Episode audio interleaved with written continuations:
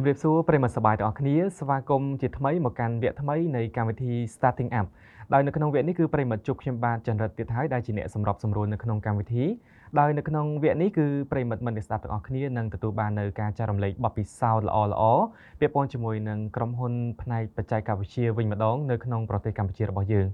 ប្រិមិត្តពីជំនាន់យុវវ័យជំនាន់ឆ្នាំ2011ឬក៏2012គាត់ប្រហែលជាធ្លាប់បានឮឈ្មោះ ក៏ដូចជាស្គាល់ឈ្មោះក្រុមហ៊ុនសបាយអស្ចារ្យក៏ដូចជាអស្ចារ្ទូឌីយ Studio ដែលនៅក្នុងហ្នឹងគឺមានផ្ដល់ជូននៅហ្គេមសបាយសបាយជាច្រើនហើយហ្គេមទាំងនោះបាទភាគច្រើនគឺល្បីបាទមិនត្រឹមតែនៅក្នុងប្រទេសកម្ពុជាទេគឺថែមទាំងល្បីទៅដល់ក្រៅប្រទេសទៀតផងបាទដែលហ្គេមហ្នឹងប្រិយមិត្តមួយចំនួនប្រហែលជាធ្លាប់លេងហ្គេមហ្នឹងហើយគឺ Asva Monkey បាទហើយនៅក្នុងថ្ងៃនេះផ្ទាល់តែម្ដង បាទពីកម្មវិធី Starting Up គឺយើងនឹងនាំលោកអ្នកបាទទៅជួបជាមួយនឹងស្ថាបនិកក្រុមហ៊ុនសបាយអស្ចារទាំងអស់គ្នាដើម្បីចែករំលែករាល់បទពិសោធន៍ពាក់ព័ន្ធជាមួយនឹងការងាររបស់គាត់តាំងពីចាប់ផ្ដើមការសិក្សា ដល់ការធ្វើការងារនៅក្នុងក្រុមហ៊ុនរហូតឈានទៅដល់ការបង្កើតនៅក្រុមហ៊ុនខ្លួនឯងផ្ទាល់តែម្ដងបាទប៉ុន្តែមុននឹងទៅជួបជាមួយនឹងលោកអ៊ីអ៊ុយដែលជាស្ថាបនិកក្រុមហ៊ុនសបាយអស្ចារ្យនោះបាទកម្មវិធី Starting Up ក៏សូមអរគុណដល់អ្នកឧបត្ថម្ភនៅក្នុងកម្មវិធីក៏ដូចជាគ្រប់គ្រងនៅក្នុងកម្មវិធីនេះផ្ទាល់បាទគឺខ្មែរ Enterprise អរគុណច្រើនឥឡូវនេះសូមទៅជួបជាមួយនឹងលោកអ៊ីអ៊ុយទាំងអស់គ្នាដែលកំពុងតែមានវត្តមាននៅទីនេះផ្ទាល់តែម្ដងបាទ ជំរាបសួរបងបាទអឺថ្ងៃនេះបាទសប្បាយចិត្តមែនទែនដែលបានជួបជាមួយនឹងបងផ្ទាល់បាទព្រោះថាធ្លាប់តែលើឈ្មោះក្រុមហ៊ុនបងបាទអឺយ៉ាងណាដែរបងមានអារម្មណ៍យ៉ាងណាដែរនៅពេលដែលបានចូលរួមការសម្ភាសនៅសប្បាយលើកទី1បាទបាទអឺនិយាយទៅសប្បាយហើយវាសម្រាប់ឆ្នាំថ្មីផងក៏នៅសួស្តីឆ្នាំថ្មីយើងចង់ចែកម្លែកនៅបទពិសោធន៍ដែលធ្លាប់ឆ្លងកាត់ពីមុនពីមុនហើយ ទាំងអស់គ្នាបានដឹងបន្ថែមទៀតចឹងដែរហ្នឹងហើយបាទព្រោះថាបទពិសោធន៍គឺមានច្រើនក្រាស់ក្រែមែនទែនខ្ញុំអាចនិយាយបានថាអញ្ចឹងបាទហើយនៅថ្ងៃនេះបងនឹងធ្វើការចែករំលែកនៅរាល់បទពិសោធន៍ទាំងនោះចង់ដឹងថាតើតម្រាំតែឆ្លងកាត់នៅរឿងរ៉ាវអ្វីខ្លះដែលអាចឈានមកដល់សប្តាហ៍ថ្ងៃនេះបាទប៉ុន្តែមុននឹងចែករំលែកបទពិសោធន៍សូមឲ្យបងជួយណែនាំខ្លួនក៏ដូចជាស្វាគមន៍ទៅកាន់ប្រិយមិត្តរបស់យើងតិចសិនទៅបាទបាទបាទបាទសួស្តីបាទខ្ញុំឈ្មោះអ៊ីអ៊ុយអឺខ្ញុំជាសហស្ថាបនិកនៃសបាយអស្ចារ ដែលពីមុនយើងឈ្មោះថាអស្ចារ Studio ដែលជាក្រុមហ៊ុនក្រុមដំបូងនៅស្រុកខ្មែរដែលយើងចាប់ផ្ដើមផលិតហ្គេមដំបូងគេនៅស្រុកខ្មែរបាទហើយនឹងហើយយើងមានហ្គេមដែលមានប្រជាប្រិយភាពច្រើនដែរដូចជាហ្គេមអាស្វាដម៉ាងគីគឺជាហ្គេមដែលយើងដំបូងដែលយើងធ្វើហើយនឹងក្រោយនេះយើងមានរឿងនិទានតាអស័យដែលជា app ក្នុងការអប់រំសម្រាប់កូនក្មេងបាទហ្នឹងហើយបាទ អរគុណច្រើនឃើញថាអឺតកតងជាមួយនឹងការបើកក្រុមហ៊ុនគឺពាក់ព័ន្ធនឹងផ្នែកបច្ចេកវិទ្យាច្រើនប៉ុន្តែ background របស់បងគឺ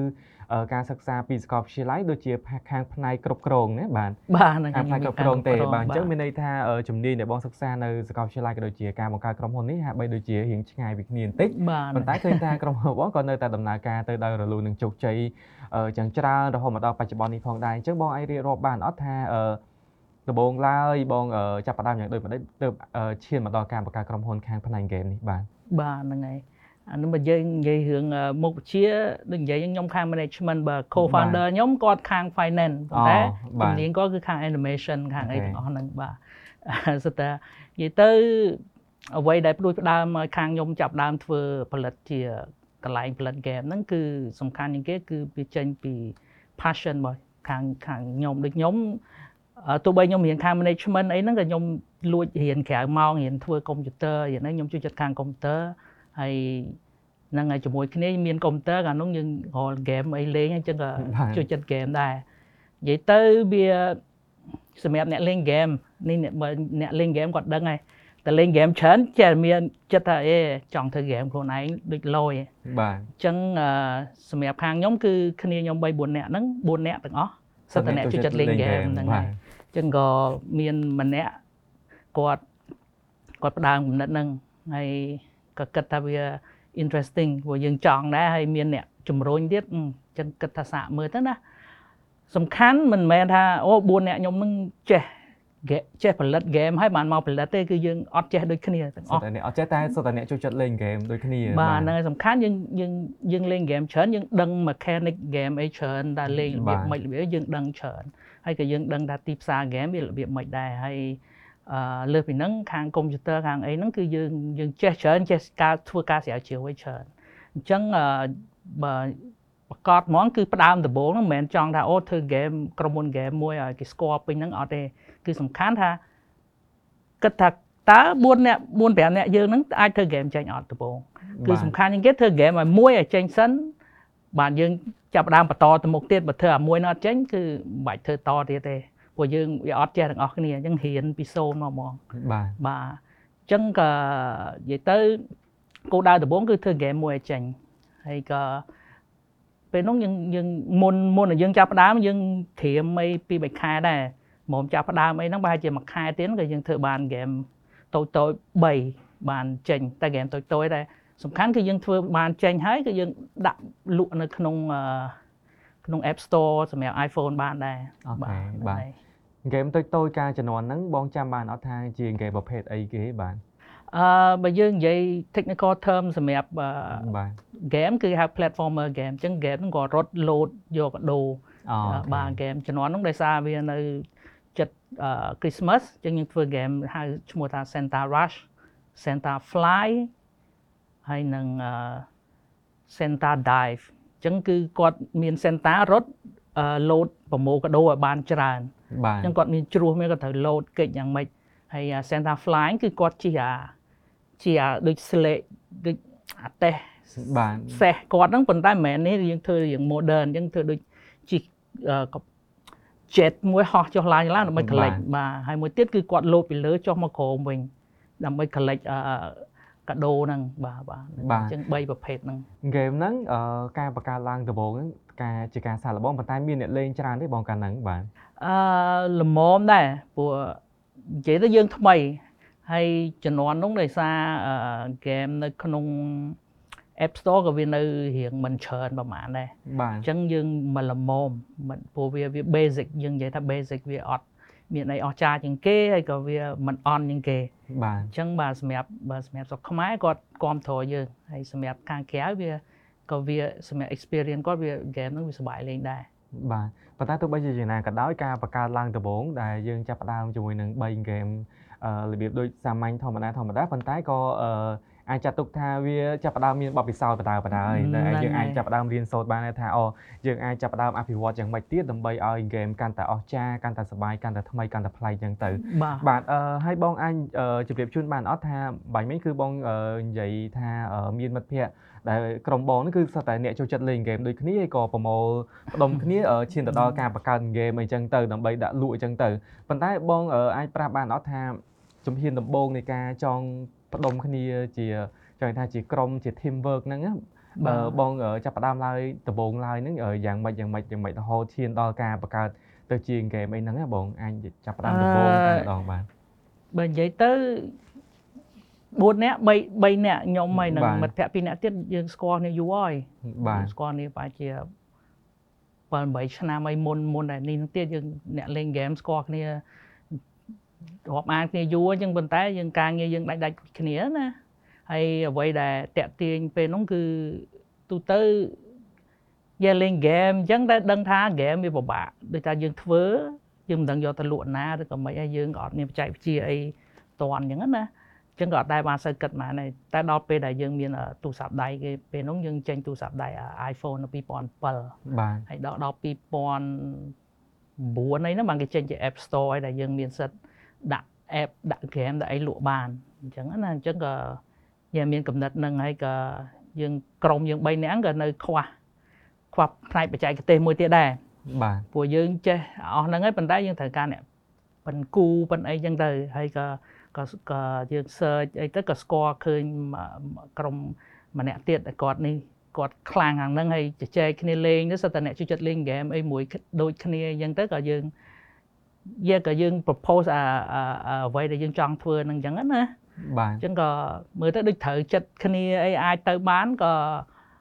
និយាយទៅមិនសូវមិនសូវគិតច្រើនដែរកាលនោះអឺយើងគិតថាវាបើបើយើងនិយាយភាសាសាមញ្ញថាអីលយដែរបើធ្វើហ្គេមបានមុនគេអញ្ចឹងណាយើងមិនតាន់បានគិតថាវែងឆ្ងាយអីលើពីហ្នឹងដែរទេអីចាក់ខូចវិស័យវែងឆ្ងាយទេគាត់ថាអូពេលហ្នឹងចង់ខ្លាំងអីចឹងណា តែបើបើយើងបើបើសម្រាប់ខ្ញុំមែនតើហ្នឹងគឺសំខាន់គឺធ្វើ game ខ្ញុំគិតថាវាងាយវាពេលដែលយើងធ្វើបានគឺយើងយើងធ្វើតែនៅក្នុង office យើងអត់ចាំបាច់ទៅក្រៅជួបអ្នកណាច្រើនព្រោះខ្ញុំអត់សូវចូលចិត្តយើងវាអត់ចេះជួបគេជួបឯងអ្នកតំណងហ្នឹងហើយដល់ប៉ុន្តែដល់ពេលធ្វើហើយបាទយើងនឹងថាអូខេយើងធ្វើហើយក៏អាចនៅតែក្នុងនឹងអត់ប្រាប់គេអត់ប្រាប់ឯងអត់ដើរផ្សព្វផ្សាយឬក៏អត់ដើរជជែកជាមួយគេក៏វា អត់នេះដែរអញ្ចឹងបានវារៀងខុសបន្តិចអញ្ចឹងបានឥឡូវយើងត្រូវការជជែកវែកញែកបន្ថែមទៀតដើម្បីឲ្យយល់ឬក៏ដើម្បីឲ្យស្គាល់ ពីផលិតផលនឹងបន្ថែមដែរបាទអញ្ចឹងមានន័យថាសម្រាប់អ្នកដែលគាត់លេងហ្គេមពេលខ្លះគឺមិនមែនថាលេងហ្គេមទៅអត់ប្រយោជន៍ទេបាទតែពេលដែលយើងចេះទាញយកកំណត់នៅពេលដែលយើងចាប់ផ្ដើមចេះបែកកំណត់អីពីហ្គេមអស់ហ្នឹងពេលខ្លះក៏វាផ្ដល់ជាផលវិជ្ជមានដែរមិនមែនថាអូលេងអឺអញនិយាយបានថា gamer ដែលបច្ចុប្បន្នឃើញក្មេងៗគាត់លេងគាត់ live stream អីនៅលើ Facebook ឬក៏នៅលើ YouTube ហ្នឹងពេលខ្លះគឺជាចំណូលរបស់គាត់ដែរហើយ អាចចាប់ផ្ដើមពីការឆ្លាញ់ជួយចិត្តលេងហ្គេមដូចបងអញ្ចឹងហ្នឹងហើយអឺអញ្ចឹងក្រុមហ៊ុនដែលបងបង្កើតឡើងដំបូងហ្នឹងគឺនៅប្រហែលជាក្នុងឆ្នាំណាដែរបងបាទចាំទេបាទអឺយើងបង្កើតចុងឆ្នាំ2011ចុងឆ្នាំ2011ហើយនៅពេលដែលចាប់ផ្ដើមជោគជ័យខ្លាំងបំផុតហ្នឹងនៅក្នុងឆ្នាំណាដែរដែលពេលដែលបងឃើញថាអូសន្ទុះនៃការ download យកមកលេងនេះចាប់ផ្ដើមផលផុសច្រើននៅក្នុងស្រុកខ្មែរក៏ដូចជានៅប្រទេសមួយចំនួននេះអញ្ចឹងណាបាទហ្នឹងហើយអឺអូខេអញ្ចឹងខ្ញុំខ្ញុំថយក្រោយបន្តិចបន្ទាប់ពីយើង release អា game យើងដំបូងហ្នឹងក៏យើងចាប់ផ្ដើមបរិយ team ព្រោះយើងកាលមុនមានតែ4នាក់យើងធ្វើអត់តាន់យើងបើយើងចង់ធ្វើ game ធំជាងហ្នឹងធ្វើអត់កើតទេដូចខ្ញុំបាននិយាយហ្នឹងយើងធ្វើ game តូចទេអញ្ចឹងខ្ញុំត្រូវការបរិយហើយសំខាន់គឺអត់មានអ្នកចេះអញ្ចឹងគឺអ្វីទាំងអស់គឺយើងរក intern យកមកដើម្បីនិយាយទៅរកតែអ្នកជួយចិត្តលេង game អញ្ចឹងបើចង់មកធ្វើការហ្នឹងដល់ជួយចិត្តលេង game សិនហើយ យើងរៀនទាំងអស់គ្នានិយាយទៅយើងរៀនជាមួយគ្នាយើង share ពីបទពិសោធន៍យើងបានផលិតអីហ្នឹងទៅក៏យើងបានបង្កើតជា game អាស្វានៅប្រហែលជាចុងឆ្នាំ2012បាទអញ្ចឹងអ្វីដែលឃើញថាយើងចេញពីអាស្វាហ្នឹងមកគឺយើងចាប់ដើមផ្សព្វផ្សាយច្រើនដើម្បីឲ្យគេស្គាល់ហើយសំខាន់គឺ game ហ្នឹងគឺមានការទទួលស្គាល់ខ្លាំងនៅក្នុងទាំងក្នុងស្រុកទាំងក្រៅស្រុកយើងមានឈ្នះពានរង្វាន់ច្រើនហើយព្រោះពេលហ្នឹងគឺយើងបាន ដាក់ហ្គេមហ្នឹងចូលរួមនឹងការតាំងពិព័រណ៍ហ្គេមផ្សេងផ្សេងនៅជុំវិញហ្នឹងដូចជានៅសិង្ហបុរីនៅវៀតណាមនៅអីហ្នឹងយើងយើងដាក់ហ្គេមហ្នឹងបញ្ចូលអញ្ចឹងភាគច្រើនគឺយើងចូលយើងមានឈ្នះខាងដូចជា best game nomination សម្រាប់ best game art ហើយយើងមានឈ្នះនៅវៀតណាមហ្នឹងគឺគេបានបញ្ជូនយើងទៅ pitch នៅអាមេរិកបន្ថែម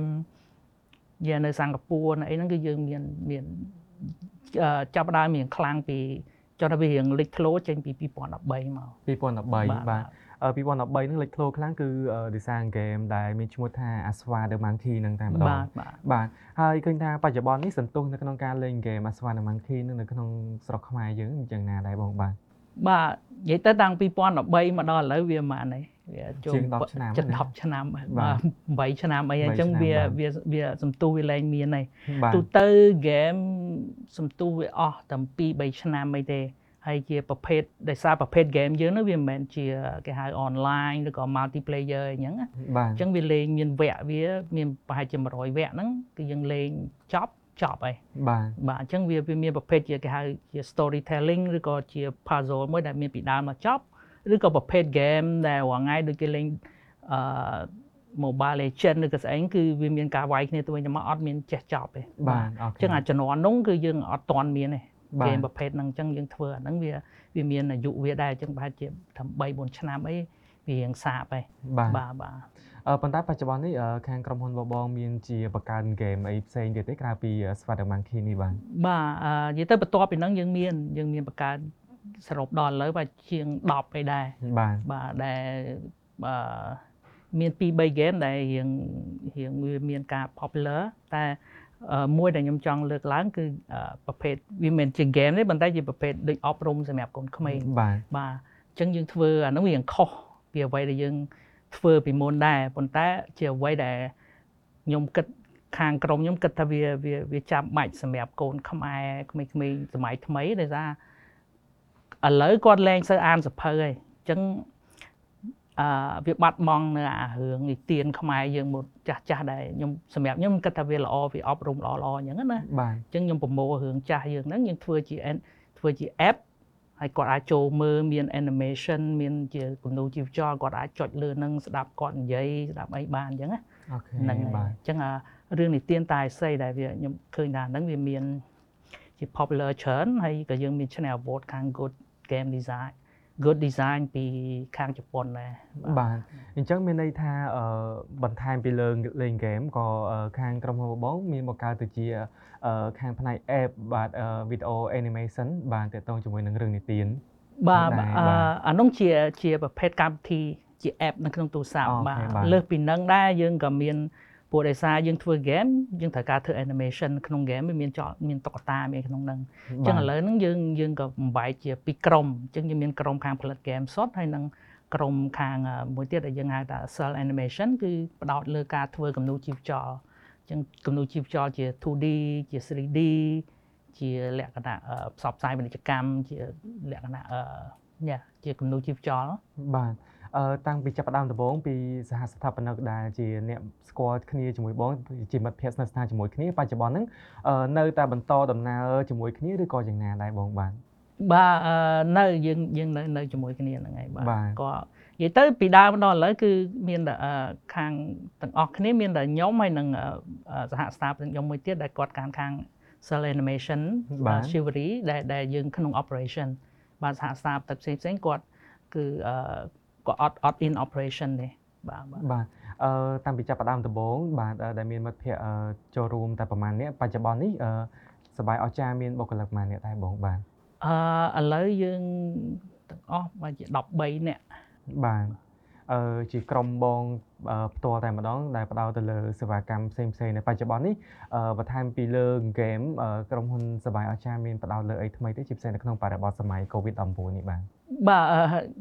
អ្វីដែលយើងធ្វើថ្មីគឺតាក់ទងនឹង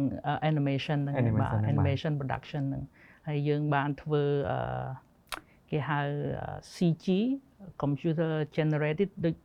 ដូចក្នុងរឿងអ្វីដែលយើងបានធ្វើក្រោយគេហ្នឹងនៅក្នុង music video មួយយើងធ្វើមានមនុស្សមានមនុស្សយន្តប្រែកលាយនៅក្នុងហ្នឹងអញ្ចឹងមានមនុស្សលាយជាមួយនឹង 3D បាទ animation នៅក្នុងហ្នឹងអឺត្រឡប់ទៅក្រោយបន្តិចដោយសារតែ background មកបងកាលពីនៅរៀនគឺជាអ្នករៀនខាងផ្នែកគ្រប់គ្រងទេតែដល់ពេលដែលយើងប្រតិបត្តិការក្រុមហ៊ុនគឺតាក់ទងខាងផ្នែក game ឬក៏តាក់ទងនៅខាងផ្នែកបច្ចេកវិទ្យានេះច្រើនអញ្ចឹងបងអាចចែករំលែកបានអត់ថា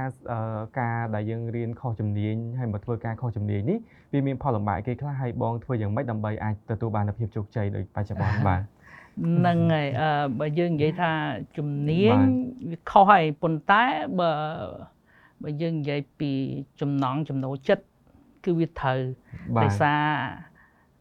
ខ្ញុំរៀន management ប៉ុន្តែដូចខ្ញុំនិយាយខ្ញុំខ្ញុំមានម៉ោងក្រៅខ្ញុំទៅរៀនកុំព្យូទ័រព្រោះខ្ញុំចូលចិត្តកុំព្យូទ័រអត់ដឹងមិនដែរកាលនោះក៏ឃើញកុំព្យូទ័រគេវាយទៅ Word ហ្នឹងខ្ញុំឈរមើលគេវាយ Word ដល់ចប់និយាយទៅឃើញកុំព្យូទ័រចូលចិត្តពីនោះមកបាទ យើងចង់ថាបើយើងមើលនៅលើกระดาษវាខុសហើយប៉ុន្តែបើថាចំណងចំណូលចិត្តពីតូចមកដល់ឥឡូវគឺរឿង technology រឿង game អីហ្នឹងគឺវាវាត្រូវអ្វីដែលយើងនេះហ្មងអញ្ចឹងយើងយើងធ្វើអាហ្នឹងវាចង់ថាមួយថ្ងៃមួយថ្ងៃយើងបាទមួយថ្ងៃមួយថ្ងៃយើងឃើញកុំព្យូទ័រឃើញអីយើងចង់ដឹងចង់ឮហ្មងអញ្ចឹង វាបើបើនិយាយថាវាវាត្រូវជាងអ្វីដែលយើងរៀនទៀតបាទប៉ុន្តែការចាប់ផ្ដើមចូលរៀននៅសាកលវិទ្យាល័យហេតុអីបងក៏មិនជ្រើសរើសមុខជំនាញខាងផ្នែកព័ត៌មានវិទ្យាឬក៏ខាងផ្នែក technology អញ្ចឹងបាទហ្នឹងហើយជំនាន់នោះនិយាយទៅរៀនតាមគេតាមឯផងហើយមួយទៀតក៏ខ្ញុំចង់ធ្វើអាជីវកម្មដែរនិយាយទៅខ្ញុំតាំងពីទូចមកចេះមានគិតថាចង់ធ្វើអាជីវកម្មអញ្ចឹងណាតែក៏អត់បានគិតថាអារៀងកុំព្យូទ័រក្រៅដែលយើងចូលចិត្តហ្នឹងវាជា តាមពិតយើងគួរបន្ថែមមើលនោះអត់ដែលយើងមើលគេផងហើយយើងយើងគិតថាអានឹងជួយ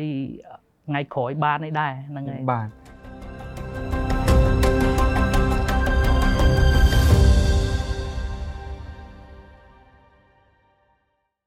អញ្ចឹងកន្លែងនេះជាសារមួយទៅកាន់យុវជនរបស់យើងដែរនិយាយទៅការជ្រើសរើសមុខជំនាញគឺសំខាន់មែនទែនគឺផ្ដោតទៅលើទេពកោសល្យរបស់ខ្លួនឯងពីធម្មជាតិគេថាយើងចូលចិត្តខាងផ្នែកអីយើងស្រឡាញ់ខាងផ្នែកអី យើងរៀនខាងផ្នែកហ្នឹងទៅបានយើងចាញ់ធ្វើការទៅត្រូវជំនាញរបស់យើងអញ្ចឹងណាជួនកាលដល់ពេលដែលយើងរៀនទៅយើងគិតថាអូខេទីផ្សារកំពុងត្រូវការផ្នែកហ្នឹងច្រើនឬមួយក៏ឃើញមិត្តភ័ក្តិរបស់យើងអីក៏រៀនផ្នែកហ្នឹងយើងទៅរៀនដែរប៉ុន្តែតាមកំពិតយើងចូលចិត្តតែខាងផ្នែកផ្សេងទេបាទដល់ពេលយើងទៅរៀនខាងផ្នែកផ្សឹងទៅយើងទៅធ្វើការចុងក្រោយធ្វើតាមអាទេពកោសល្យខ្លួនឯងដដែលបាទអឺនិយាយទៅក្រុមការងារខ្ញុំភាគច្រើនភាគច្រើនហ្មងសិតតែរៀនផ្សេងធ្វើផ្សេងបាទហើយអឺ អ្វីដែលនេះខ្ញុំចង់ share មួយដែរព្រោះការខ្ញុំរៀនហ្នឹងខ្ញុំរៀនចំណូលមានមិត្តភ័ក្តិគាត់ទៅរៀនខាងនៅនិមហ្នឹងគាត់រៀន management ទូទៅជាមួយខ្ញុំដែរបានមួយឆ្នាំដល់ឆ្នាំទី2គាត់ឈប់ព្រោះគាត់ថារៀនអត់ចូលគាត់ចូលចិត្តបាទអញ្ចឹងគាត់ដូរទៅរៀន architect ព្រោះគាត់ជួយច្រើននឹងជាងដល់ឥឡូវហ្នឹងគឺគាត់ខ្លាំងហ្មងខាង architecture អញ្ចឹងគាត់សុកចិត្តចោលមួយឆ្នាំហ្នឹងសុកចិត្តចោលមួយឆ្នាំបាទបាទហ្នឹងហើយអញ្ចឹងយ៉ាខ្ញុំគិតថាសំខាន់យើងយើងយើង self discovery ណាព្រោះជួនកាលយើងអត់ដឹងថាយើងចូលចិត្តអីដែរអញ្ចឹងដល់សាកសាកមើលទៅវាដូចមិនត្រូវសោះបើថាបើមិនត្រូវទេដូរទៅវាវាអត់អីទេបើព្រោះអញ្ចឹងទេគាត់នឹងចោល4ឆ្នាំហ្នឹងហើយទៅចាប់យកនោះទៀតក៏អត់កើតដែរអញ្ចឹងបាទបាទអញ្ចឹងគាត់សុខចិត្តគាត់ ថារៀនចំរៀនមួយឆ្នាំវាអត់ចូលទេបាទគាត់បោះចោលបណ្ដោយបាទអឺដូចខ្ញុំដែរបាទអឺដែលមកអង្គុយសម្ភារបងនេះតែក៏ពិតខ្ញុំរៀនខាងផ្នែកសេដ្ឋកិច្ចទេប៉ុន្តែអឺដោយសារតែពីតាំងពីតូចមកគឺខ្ញុំចូលចិត្តអានសភៅហ្មងចូលចិត្តការអានសភៅចូលចិត្តការនិយាយធ្វើពិធីកយណាពេលខ្ញុំនៅរៀនវិទ្យាល័យអញ្ចឹងខ្ញុំទិញវិទ្យុអាថតសលេងបានហ្នឹងបងយកមកថតធ្វើពិធីកធ្វើប្រិមិត្តខ្លួនឯង បាទធ្វើនិយាយលេងអញ្ចឹងបើតែដឹងថាខ្លួនឯងហ្នឹងចុងក្រោយនឹងទៅចាប់បញ្ជាខាងផ្នែកហ្នឹងទេតែទៅពេលទៅរៀនទៅគឺរៀនតាមប៉ាទេតែបើចំណងចំណូលចិត្តខ្លួនឯងគឺចូលចិត្តខាងផ្នែកនិយាយចូលចិត្តខាងផ្នែកអានហ្នឹងតែម្ដងបាទតែពេលចូលឡើងចូលឡើងទៅចូលធ្វើការ background ដំបូងបំផុតគឺខាងផ្នែកវិធីកវិទ្យុនឹងឯងបាទវាចេញមកក៏វិវត្តរហូតមកដល់បច្ចុប្បន្នខាងផ្នែកព័ត៌មាននឹងចឹងទៅហ្នឹងហើយបាទនិយាយទៅបើយើងចង់ថាពីទូពីទូយើងដឹងថាយើងជួយចិត្តអីហើយវាវាល្អតែបើយើងអត់ដឹង យកល្អគឺសាកទៅវាអត់ខុសអីទេបើយើងអត់ដឹងថាយើងជួយចិត្តអីដល់ភ្លក់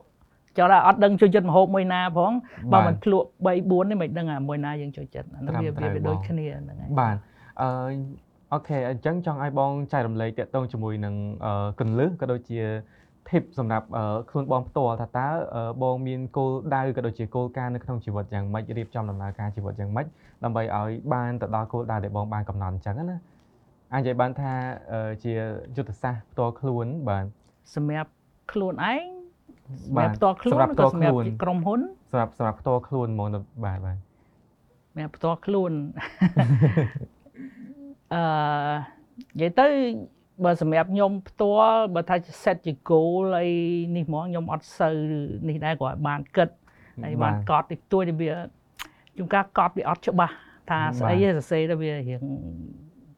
ព្រាព្រាលណាចឹងមានការផ្លាស់ប្ដូររហូតដែរអ្វីដែលសំខាន់សម្រាប់ខ្ញុំគឺចង់ថាថ្ងៃក្រោយចត់ពេលអនាគតយើងហួរនៅដោយស្រួលបួរចង់ថា simple បាទហើយ enjoy activity ដែលខ្ញុំយើងនឹងធ្វើទៅថ្ងៃក្រោយអញ្ចឹងណាទោះបីជាអាចថាថ្ងៃក្រោយខ្ញុំជួយចិត្តធ្វើចការវិញខ្ញុំទៅរកចការអីមួយធ្វើក៏បានឬក៏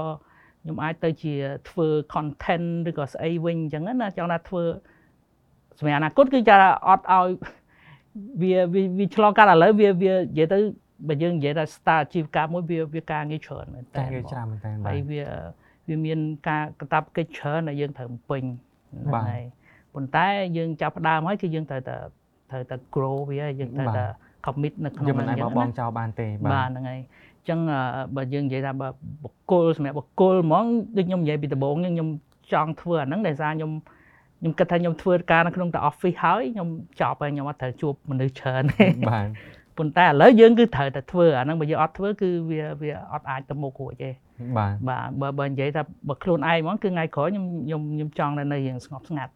បាទហ្នឹងហើយអញ្ចឹងមានន័យថាចេះអឺ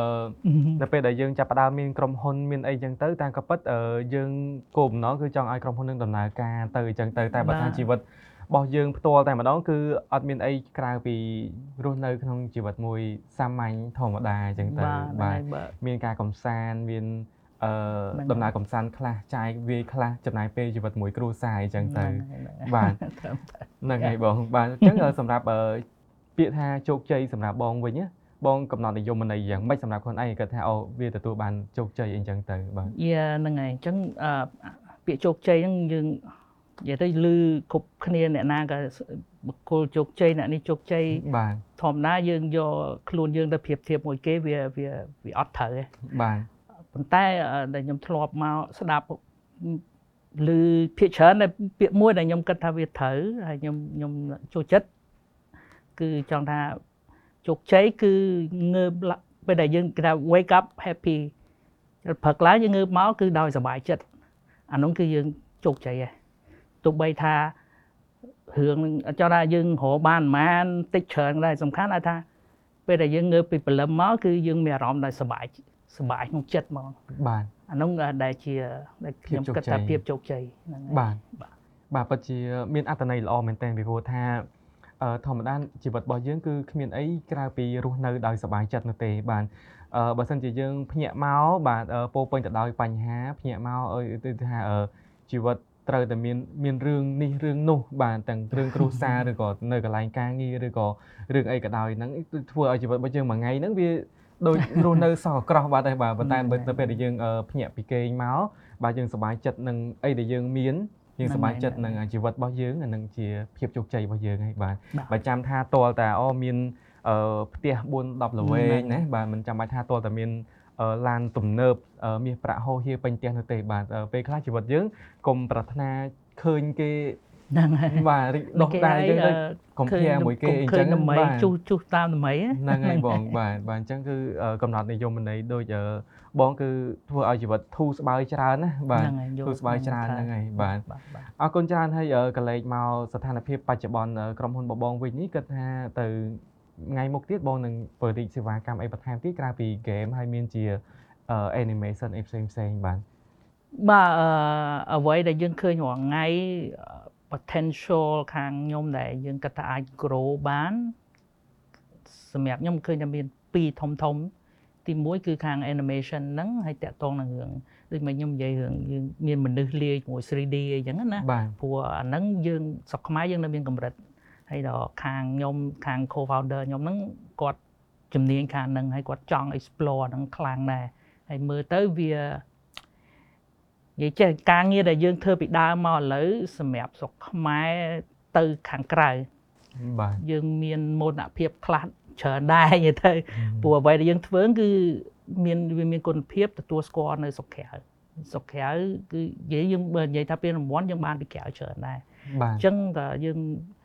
យើងមានកូនចិត្តមួយមោទនភាពខ្លាំងណាស់ព្រោះយើងអាចយកឈ្មោះខ្មែរទៅស្រុកក្រៅគេស្គាល់ជាពិសេសរឿង game គឺយើងដំបងគេទៅក្រៅគឺ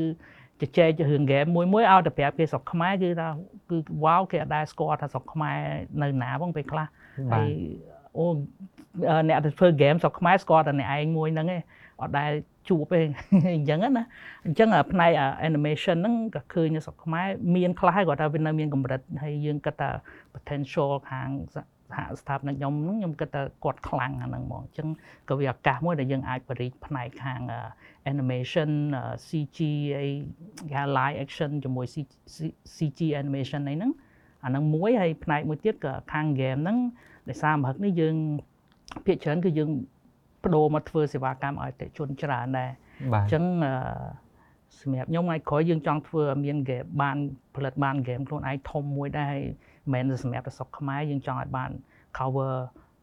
ទូទាំងពិភពលោកដែរដើម្បីគេទទួលស្គាល់ដែរព្រោះព្រោះមហឹកហ្នឹងយើងឃើញមាន game game សម្រាប់ប្រទេសឥណ្ឌាមានអាស៊ីហ្នឹងដែលប្រភេទ game ហ្នឹងវាអត់តាន់ដែរមានទេនៅភពចឹងថាទូទៅ game យើងមើលក្នុង game ប្រភេទ វាយគ្នាក៏ប្រភេទអីគឺគេនិយាយពី Greek និយាយពីដូច Zeus ដូចស្អីប្រភេទអាគេហៅរឿងនិទានរបស់ Greek អញ្ចឹងប្រភេទរឿងនិទានរបស់ឥណ្ឌាគឺតំចាញ់ game មួយហ្នឹងឃើញវារឿង popular ហើយយើងគាត់ថាវប្បធម៌យើងរឿងនិទានព្រេងខ្មែរយើងហ្នឹងវាមានរឿងគេហៅភិនិហាអីច្រើនដែលយើងគិតថាពិភពលោកអត់ទាន់ស្គាល់ហើយយើងគិតថាហ្នឹងយើងអាច ផ្លាស់ប្ដូរអាហ្នឹងទៅជាប្រភេទ game ដែលអាច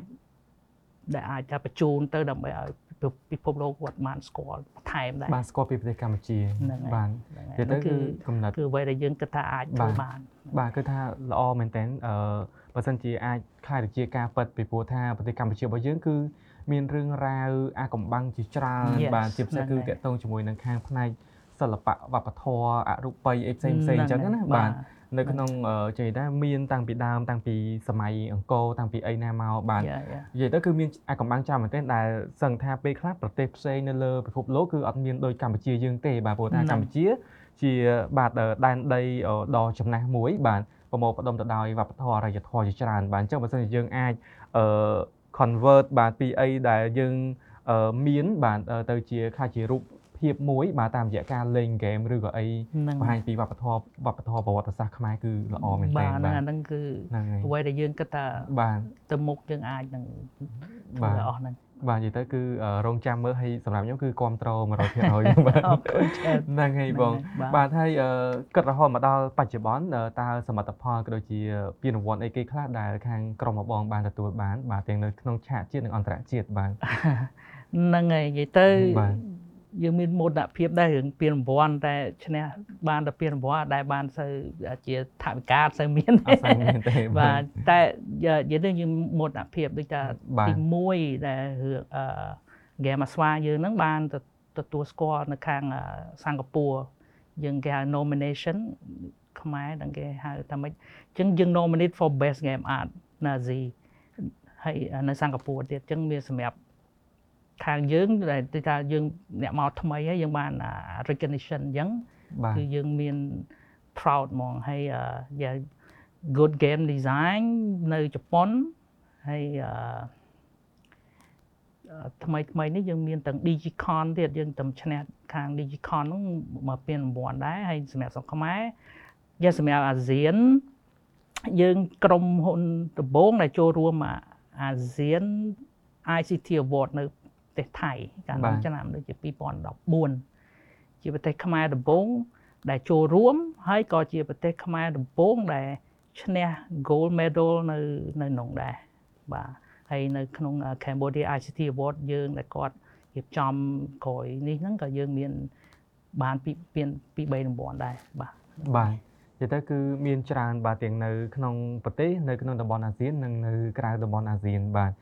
អាចថាជាមោទនភាពមួយដែរពីព្រោះថាក្រុមរបស់បងមានចំនួនបុគ្គលិកក៏ដូចជាក្រុមការងារមិនច្រើនទេប៉ុន្តែអឺសម្រាប់បានសមិទ្ធផលការងារធំធំជាច្រើនអាចនិយាយបានថាទាំងអស់ហ្នឹងកើតចេញពីការសហការគ្នាហើយបូកជាមួយនឹងអឺគំនិត creative ថ្មីថ្មីបាទបាទហ្នឹងហើយនិយាយទៅវាចេញពី passion ហ្មងព្រោះបាទខាងខ្ញុំក្រុមការងារទាំងអស់សិតតែនិយាយទៅមានឆន្ទៈចូលចិត្តខ្លាំងបាទហ្មងមានឆន្ទៈហើយយើងចូលចិត្តអ្វីដែលយើងធ្វើហ្នឹងហើយយើង ចេះតែចង់ explore អីថ្មីថ្មីនៅក្នុងអាបច្ចេកវិទ្យាផ្នែកតាំង animation ហើយនិង game ហ្នឹងអីហ្នឹងដែរបាទ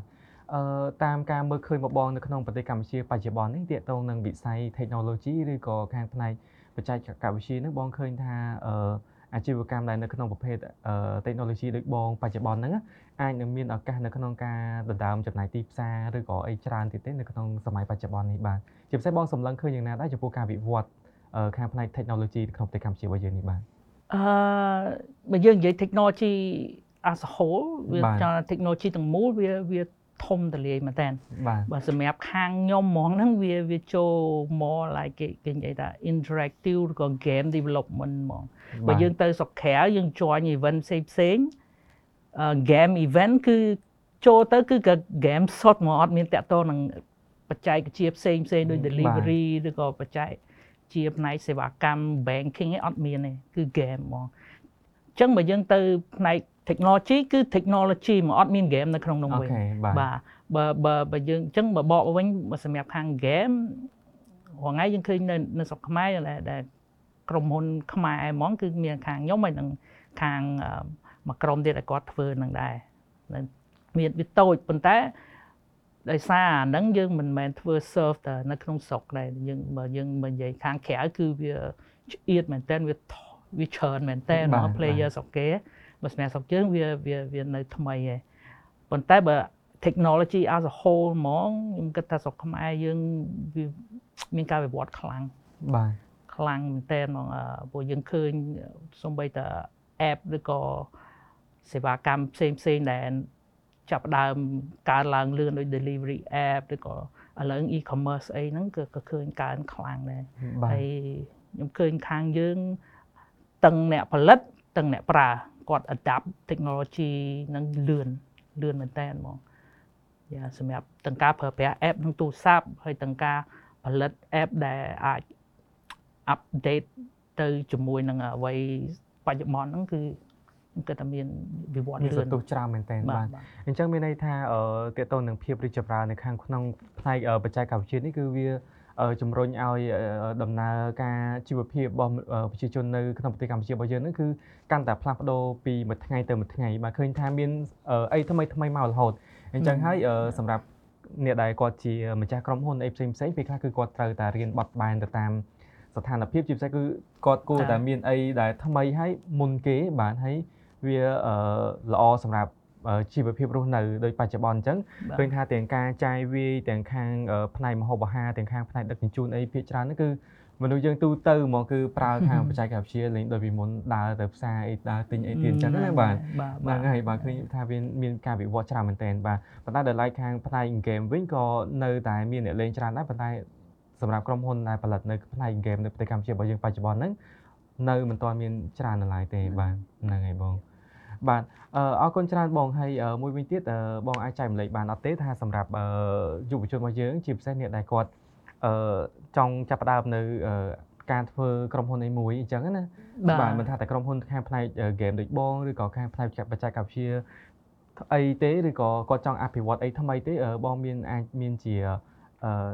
អីដែលចង់ផ្ដល់ជាដំបូងមានឬក៏ជាការចែករំលែកដល់ពួកគាត់មុននឹងការបង្កើតក្រុមហ៊ុនមួយបងបាទបាទហ្នឹងហើយអឺ អ្វីទាំងអស់គឺវាគួរតែចេញគួរតែចេញពីវាអាចថា passion អ្វីដែលយើងចូលចិត្តស្រាប់ឬក៏វាអាចមួយទៀត curiosity ចឹងថាចេញពីអ្វីដែលយើងចង់ដឹងចង់ឮបាទជួនកាលយើងអត់ចេះអាហ្នឹងតែយើងចង់ដឹងអាផ្នែកហ្នឹងអញ្ចឹងវាគួរចេញពីអានោះមកសិនហើយយើងអាចនឹងជាន់អា feel ហ្នឹងសិនទៅកុំតន់អាថាចូលមកនឹកឃើញឃើញគេធ្វើ game ទៅបើ game មួយដែរហ្មងបាទវាវាអត់អាចទេ បើថាយើងចង់អាហ្នឹងយើងអាច join ដូចថាឥឡូវចង់ធ្វើការ game អាច join ខាងខ្ញុំឬក៏ស្អីសិនក៏បានឬក៏យើងចង់ធ្វើ delivery app ក៏ស្អីយើងអាចទៅ join គេសិនទៅគុំតន់ថាបើយើងចេះស្រាប់ហើយអាហ្នឹងរឿងផ្សេងបើយើងអត់តន់ចេះទេត្រូវ explore សិនដូចនិយាយយើងយើងយើងយើងអត់ដឹងអាមួយណាឆ្ងាញ់មហូបមួយណាឆ្ងាញ់ទេភ្លក់ដងតិចដងតិចសិនទៅអត់ដឹងអាមួយណាយើងចូលចិត្តអាមួយណាខ្លាំងចាំយើងចូលទៅអានោះហើយបើដាក់ចិត្តដាក់ថ្លើមហើយយើងត្រូវទុកពេល ឲ្យខ្លះកុំចូលអូបានមួយខែឬក៏ស្អីធ្វើអីអត់ដើរឬអីឈប់ឬក៏ស្អីវាវា waste time បាទហ្នឹងហើយបើយើងអត់ច្បាស់ទីមួយយើង explore សិនទី2យើងបើយើងសម្រេចតែចូលអីមួយ is okay ចូលទៅតែត្រូវទុកពេលមួយរយៈទៅកុំឆាប់ឈប់បាទអាហ្នឹងខ្ញុំដកចេញវិញបើសិនជាបើយើងមាន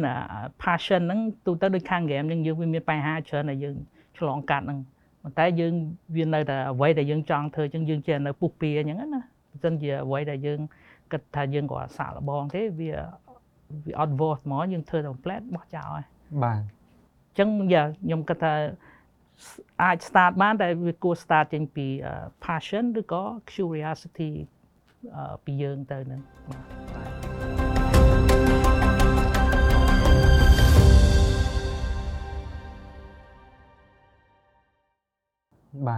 អញ្ចឹងមានន័យថាអ្វីដែលបង ប្រអអ៊ីបានចែកម្លែកគឺអ្នកទាំងអស់គ្នាបាទគួរតែធ្វើអីក៏ដោយបាទគឺធ្វើទៅតាម passion ហើយនឹងអ្វីដែលខ្លួនឯងគិតថាមានសមត្ថភាពនឹងអាចធ្វើវាបានបានហើយតែពេលយើងសាកល្បងគឺយើងកុំឆាប់បោះបង់ពេកបាទព្រោះថាការចាប់ផ្ដើមដំបូងគឺមិនប្រកាសថាជោគជ័យភ្លាមៗនោះទេ បាទអញ្ចឹងដូចជាក់ស្ដែង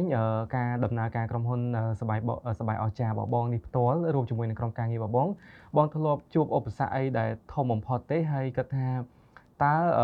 ទាំងអស់ហ្នឹងវាជាបញ្ហាទូទៅអត់ទេដែលតែងតែកើតមានសម្រាប់អ្នកដែលគាត់ជាម្ចាស់ក្រុមហ៊ុនឬក៏ជាសហគ្រិនអីចឹងហ៎បងបាទហ្នឹងហើយមានបញ្ហាបញ្ហាច្រើនអឺបាទ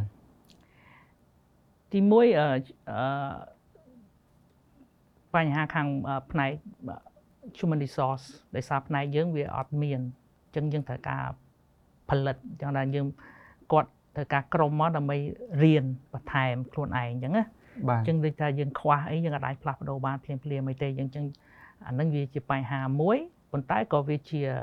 strength មួយដែរគឺយើងច្បាស់នៅអ្វីដែលយើងធ្វើហ្នឹងគឺយើងស្រាវជ្រាវយើងចេះច្បាស់នៅអ្វីដែលយើងធ្វើហើយមួយទៀតវាតកតងនឹង finance អានោះក៏វាជាបញ្ហាដែរហើយខ្ញុំគិតថាគ្រប់ start up គ្រប់ business ទាំងអស់នឹងមានបញ្ហានឹងទាំងអស់បើសិនជា យើង start up យើងអត់គិតពីរឿង finance ហើយ finance ហ្នឹងបើខ្ញុំនិយាយស្រួលជាងគេគឺ accounting របស់មកសម្រាប់អ្នក start up business ទាំងអស់គឺរបស់ដែលស្អប់ហ្មងយើងអត់ចង់ប៉ះហ្មងណាវាធុញហ្មងណាប៉ុន្តែវាចាំបាច់ត្រូវតែមានបើអត់មានវានឹងមានអាចនឹងមានបញ្ហាសម្រាប់ក្រុមបាទ founder ឬក៏ស្អីវាទូទៅយើងត្រូវតែអាហ្នឹងឲ្យច្បាស់លាស់តាំងពីដើមហ្មង បើបើអត់ទេវាដល់ពាក់កណ្ដាលណាពេលណាមួយវានឹងអាហ្នឹងវានឹងជាបញ្ហាហើយយើងនឹងកាត់ចោលប្រហែលជាកន្លះឆ្នាំឬក៏ស្អីដើម្បីដោះស្រាយបញ្ហាហ្នឹងហ្មងបាទអញ្ចឹងបើយើង start ពីដើមមកមានអាហ្នឹងពីដើមរហូតហ្មងគឺ it's good បាទល្អបាទអញ្ចឹងគឺតកតងខាងខាងផ្នែក account បាទខាងផ្នែករ៉ាំវត្ថុអាហ្នឹងទូទៅទាំងខ្ញុំអីហ្នឹងខ្ញុំអត់ចូលចិត្តទេហើយខ្ញុំ ចង់ថាយើងវាផ្នែកខាងបច្ចេកវិទ្យាផ្នែកយើងចង់ទៅបដោតទៅហ្នឹងប៉ុន្តែអានេះយើងបោះចោលអត់បានទេបាទអញ្ចឹងត្រូវទៅបខំចិត្តត្រូវទៅធ្វើបាទពីព្រោះថាហេរ៉ាញ់វត្ថុបាទគឺជាធាតុផ្សំដ៏សំខាន់មែនទែនបាទដើម្បីអឺគ្រប់គ្រងឲ្យក្រុមហ៊ុនមួយដំណើរការទៅបានហើយនឹងមាននិរន្តរភាពបានអញ្ចឹងយើងអាចចោលខាងផ្នែក account នឹងបានទេបាទអញ្ចឹងសម្រាប់អ្នកដែលគាត់ចង់ start up គួរតែមាន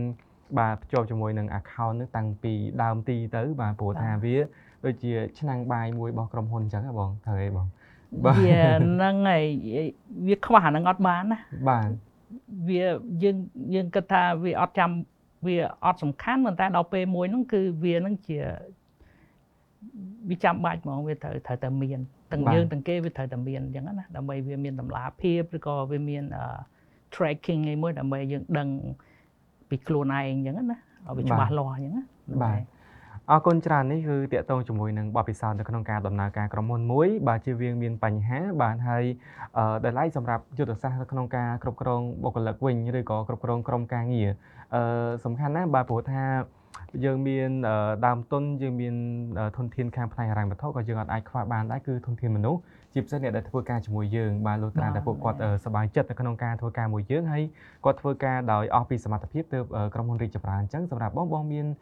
កលឹះនៅក្នុងការលើកទឹកចិត្តឬក៏ដឹកនាំបុគ្គលិកយ៉ាងម៉េចដើម្បីឲ្យពួកគាត់ដូចថាដើរជាមួយយើង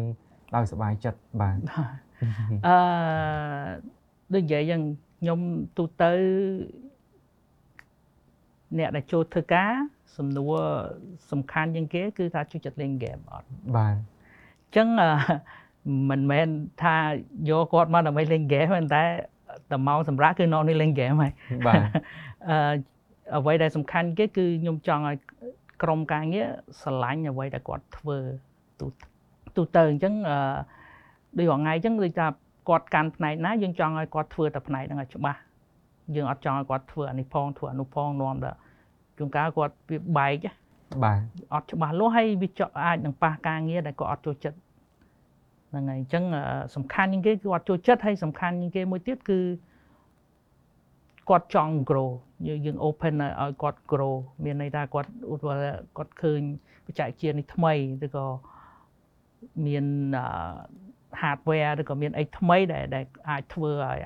productivity គាត់ឡើងមុនជាងមុនឬក៏ skill គាត់គាត់អាច improve អីហ្នឹងយើងអាចនឹង research ឬក៏យើងអាចនឹងបន្តការគាត់រៀនបន្ថែមយកពេលដើម្បីទៅសិក្សាផ្នែកនឹងបន្ថែមអីចឹងណាហ្នឹងហើយអញ្ចឹងសំខាន់គឺឲ្យគាត់ grow បាទទោះបីទោះបីគាត់មិនមិនគេថាបច្ចេកវិទ្យាសម្រាប់ខ្ញុំគឺវាល្អជាងគេគ្រាន់ថាវាផ្លាស់ប្ដូររហូត វាអត់នៅថេអញ្ចឹងឱកាសសម្រាប់គាត់គឺគាត់ grow រហូតអញ្ចឹងបើយើងអត់ grow ទេក៏យើងអត់ខាច់ចាប់អាហ្នឹងយើងរៀងយឺតជាងគេដែរហើយបើសម្រាប់ក្រុមការងារខ្ញុំគឺគាត់ចង់ចេះចង់អីរឿងផ្នែកអីថ្មីថ្មីរហូតដែរហ្នឹងហើយបាទអញ្ចឹងគឺសម្រាប់បងគឺផ្ដោតទៅលើមុននឹងចូលធ្វើការជាមួយនឹងបងបាទសម្រាប់បងគឺលុះត្រាតែបុគ្គលិកម្នាក់ហ្នឹងគឺគាត់ស្រឡាញ់នៅការងារបច្ចុប្បន្នហ្នឹងទៀតថា ខាងបងខាងផ្នែកហ្គេមអញ្ចឹងលុះត្រាតែអ្នកដែលគាត់ចូលធ្វើការផ្នែកហ្គេមហ្នឹងគឺគាត់ចូលចិត្តលេងហ្គេមហ្នឹងឯងបាទបាទគាត់មានអារម្មណ៍នៅជាមួយនឹងការងារហ្នឹងហើយធ្វើការងារហ្នឹងទៅបានល្អបាទហើយមួយវិញទៀតគឺការផ្ដល់ឱកាសឲ្យបុគ្គលិកមានភាពរីកចម្រើនបាទយើងអត់បិទផ្លូវគាត់ទេនៅពេលដែលគាត់មានសមត្ថភាពហើយគាត់ចង់ពង្រីកនៅសក្តានុពលរបស់គាត់បន្ថែមទៀតគឺខាងបងតែងតែផ្ដល់ឱកាសឲ្យគាត់ដើម្បីសិក្សាបន្ថែមធ្វើយ៉ាងណាឲ្យអាជីពរបស់គាត់កាន់តែរីកចម្រើនទៅមុខទៀតបាទនេះជាកលឹះនៅក្នុងការលើកទឹកចិត្តដល់បុគ្គលិកគ្រប់រូបឲ្យគាត់មានឆន្ទៈនៅក្នុងការធ្វើការងារពេលខ្លះប្រាក់ខែជារឿងមួយប៉ុន្តែបរិយាកាសផ្សេងផ្សេងទៀតនៅក្នុងក្រុមហ៊ុនគឺផ្ដល់ឱកាសឲ្យបុគ្គលិកហ្នឹងគឺចង់បន្តដំណើរទៅជាមួយក្រុមហ៊ុនហ្នឹងបន្តទៅមុខទៀតហ្នឹងហើយបងបាទអឺអរគុណច្រើនដោយសារតែពេលវេលារបស់យើងក៏គៀបដល់ទីបញ្ចប់ដែរហើយបងអាចរៀបរាប់បានទេថាអឺ អានេះចូលជីវិតផ្ទាល់ខ្លួនបងវិញមិនមែននៅក្នុងក្រុមហ៊ុនទេបងគាត់ថាតាំងពីដើមទីរហូតមកដល់បច្ចុប្បន្នហ្នឹងអីដែលជាឧបសគ្គធំបំផុតសម្រាប់ក្នុងជីវិតបងហើយបងជំនះវាទៅដោយម្ដេចដើម្បីឆ្លងកាត់ការលំបាកហ្នឹងបានបាទអឺបាទនិយាយទៅវាមានច្រើនតែសម្រាប់ខ្ញុំវាខ្ញុំរៀងនេះមួយខ្ញុំអត់សូវចាំទេ បាទអញ្ចឹងឲ្យ pin point ចំណុចណាដែលវាលំបាកខ្លាំងហើយខ្ញុំឆ្លងកាត់មិនហ្នឹងខ្ញុំពិបាកនិយាយចំព្រោះថាទូទៅយ៉ារឿងមកយើងដោះស្រាយរឿងមកដោះស្រាយហើយយ៉ាវាមានបញ្ហាច្រើនវាមានរឿងច្រើនដែលដោះស្រាយដែរហើយបើនិយាយចំខ្ញុំខ្ញុំពិបាករមែនខ្ញុំទូទៅខ្ញុំនិយាយទៅវាល្អដែរតែសាររឿងខ្លះវា ចង់ថាយើងឆាប់ភ្លេចតែវាភ្លេចអារឿងដែលមិនគួរចាំដែរចឹងវាល្អដែរបាទអឺយ៉ាខ្ញុំរៀងពិបាក pin point អាមួយណាបន្តិចបាទបងអត់អីព្រោះថាហ្នឹងវាជាចង់និយាយថាជាអឺមនុស្សម្នាក់ម្នាក់យើងគឺខុសគ្នាបាទអ្នកខ្លះទៅគាត់ចូលចិត្តចងចាំរឿងអីដែលលំបាកលំបាកទៅដើម្បីយកមករំលឹកគាត់វិញហើយគាត់ចែករំលែករឿងហ្នឹងអញ្ចឹងណាប៉ុន្តែសម្រាប់បងគឺខ្ញុំចាប់អារម្មណ៍ត្រង់ថាអឺបងអត់សូវយកជាបញ្ហាដែលធ្លាប់ឆ្លងកាត់ហ្នឹង ជាឧបសគ្គក្នុងជីវិតរបស់បងទេបាទតែបងគិតថារឿងដែលកើតរឿងដែលកើតឡើងហើយរឿងដែលចូលមកក្នុងជីវិតរបស់យើងហើយគឺយើងដោះស្រាយវាហើយគឺហើយហើយវាដូចជាវាអត់សូវដិតណាបាទបាទ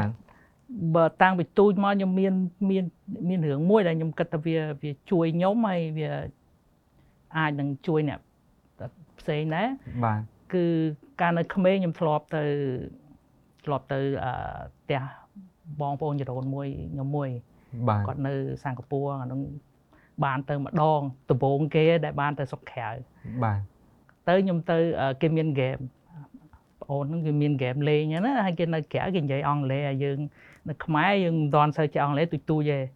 ដល់យើងទៅលេងទៅលេងហ្គេមគេហ្នឹងណាហ្គេមហ្នឹងគេទូទៅវាសម្បូរឥឡូវគេហៅ RPG game role playing game អញ្ចឹង game ហ្នឹងគឺយើងត្រូវដើរជួបមនុស្សនិយាយគ្នា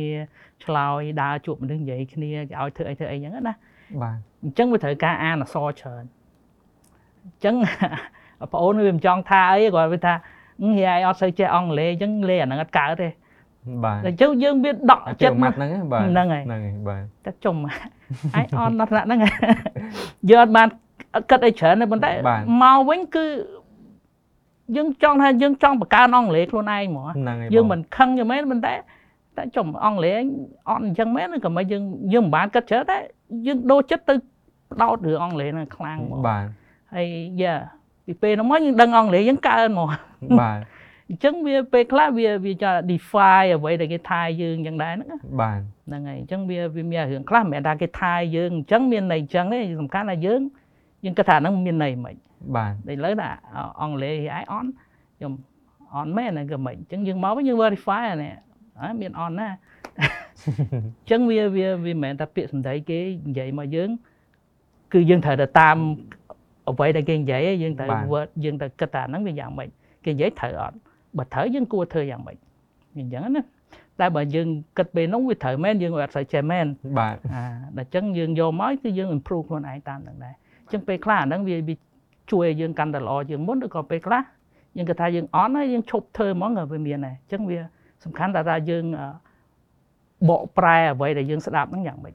ប៉ុណ្ណឹងជួនកាលគេនិយាយអញ្ចឹងមិនមែនមានន័យថាអូអន់ណាកុំលេងទេគឺថាឥឡូវប្រហែលជាត្រូវរៀនអង់គ្លេសថែមខ្លាំងតិចទៅលេងអាហ្នឹងសុបាយហើយគឺក៏អញ្ចឹងណាបាទចាអាហ្នឹងចំណុចមួយដែលតែហ្នឹងតាំងនៅក្មេងទូចក្មេងបានបាទ បាទអរគុណច្រើនសារតែពេលវេលារបស់យើងគឺគៀកមកដល់ទីបញ្ចប់ទៅហើយបងមានជាសារអីផ្ដាំផ្ញើទៅដល់យុវជនរបស់យើងទេបងបាទអូខេសារសម្រាប់យុវជនណោះអឺខ្ញុំមានពាក្យពាក្យអង់គ្លេសមួយដែលខ្ញុំគិតថាវាល្អ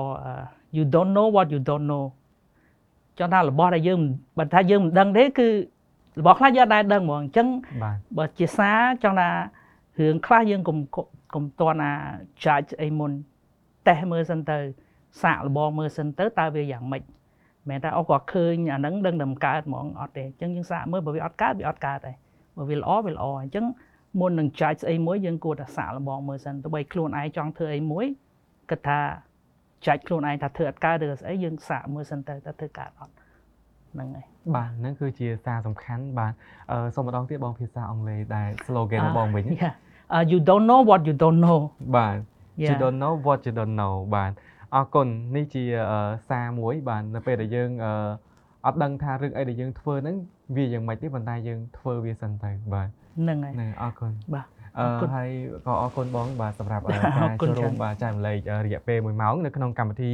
Starting App បាទដែលសុទ្ធតែជាសារដ៏មានតម្លៃជាពិសេសគឺអ្នកដែលគាត់អឺពាក់ព័ន្ធជាមួយនឹងខាងផ្នែកបច្ចេកវិទ្យានេះគឺគាត់ទទួលបានចំណេះដឹងកាន់តែច្រើនជាពិសេសគឺទាក់ទងនឹងផ្នែក game នេះតែម្ដងបាទអរគុណច្រើនដល់បាទខ្មែរ Enterprise ដែលបានគ្រប់គ្រងនៅក្នុងកម្មវិធីដែលធ្វើឲ្យកម្មវិធីអាចដំណើរការទៅได้រលូនហើយក៏សូមអរគុណម្ដងទៀតសម្រាប់ការអវរត្តគុណមានរបស់អរគុណអឺបងប្រុសអ៊ីអុយដែលបានចូលរួមចែករំលែកនៅបទពិសោធន៍បាទអឺ Starting App នឹងវិលមកជួបគ្នាជាថ្មីបាទនៅសប្តាហ៍ថ្មីជាមួយនឹងប្រធានបទថ្មីក៏ដូចជាភ្ញៀវកិត្តិយសថ្មីផងដែរខណៈនេះយើងខ្ញុំទាំងពីរនេះអឺសូមអរគុណនិងសូមជម្រាបលា